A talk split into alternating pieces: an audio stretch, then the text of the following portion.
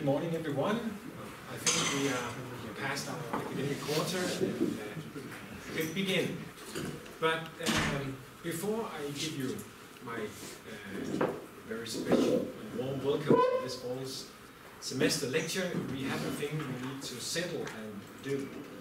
It falls out that today is the 70th birthday of one of our participants, namely Kurt so we need to sing a birthday song So, and um, while um, we could sing in Danish, we could also do it in English. So we sing Happy birthday to you, Happy birthday to you, Happy birthday, dear Kurt, Happy birthday to you. Thank you so much. He is smiling at all. Yeah, let's give him a round.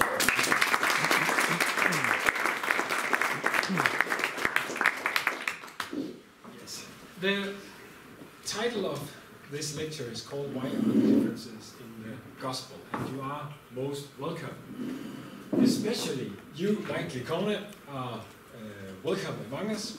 You are doctor and uh, associate professor at Houston Baptist University do not actually live in Houston, uh, and thus uh, you kind of break my joke here. I wanted to ask you if you ever phone home to say, Houston, I've got a problem. but no, I guess not, because you live in Atlanta, and uh, you live there with your wife, whom you love dearly. I think there was a Freudian slip yesterday in the debate where you said about N.T. Wright's wife that he has it uh, with her as he has it with the Gospel of John.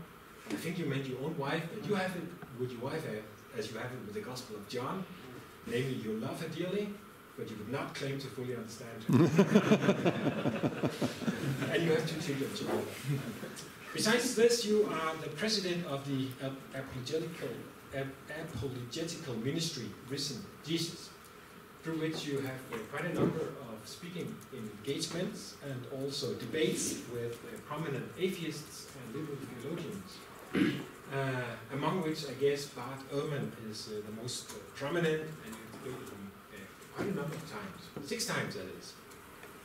And then finally, you are the author of numerous books and articles, and also quite a bit of a movie star.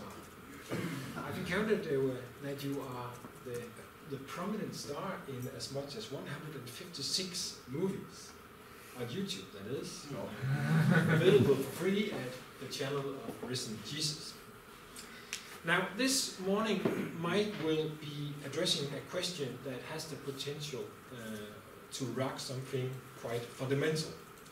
Namely, how should we understand the Bible as God's true word? I guess many of us uh, share the experience to come out of Sunday school with it all sorted out, our hair come to the right side and everything, and then starting to read our Bible, the Bible on our own in the gymnasium or so, and all of a sudden finding out that there are things hard to explain. Not least when it comes to the Gospels. Like, for instance, did Satan take Jesus on sightseeing in Jerusalem as the icing on the cake, as the very last temptation, or was it in the middle? Did Jesus cleanse the temple in the beginning of his ministry, or was it something he did in the end? And when was Jesus crucified now that you look at it? Was he crucified before the Passover lambs were slaughtered or afterwards? In the 60s and 70s, debates uh, over questions like these really caught on in our Lutheran Danish community. And after heated discussion, uh, two camps were set up with trench line all dug through and through, and you could choose uh, between being orthodox on the one side, accepting all of the Bible to be inerrant, or you could be conservative, also accepting all of the Bible to be inerrant, save some historical details. Now, Mike's research and his latest book, Why Are There Differences in the Gospel, challenges us to think through this entire dilemma once more. Did we in this discussion built on an, on an understanding of what an error is that does not comply to the standards of uh, ancient historiography. Uh, what seems to be errors at first really related to the flexibility and the ancient genre of biographies. That is what Mike uh, uh, is going to address today. So please, Mike, tell us all about it. Thank you.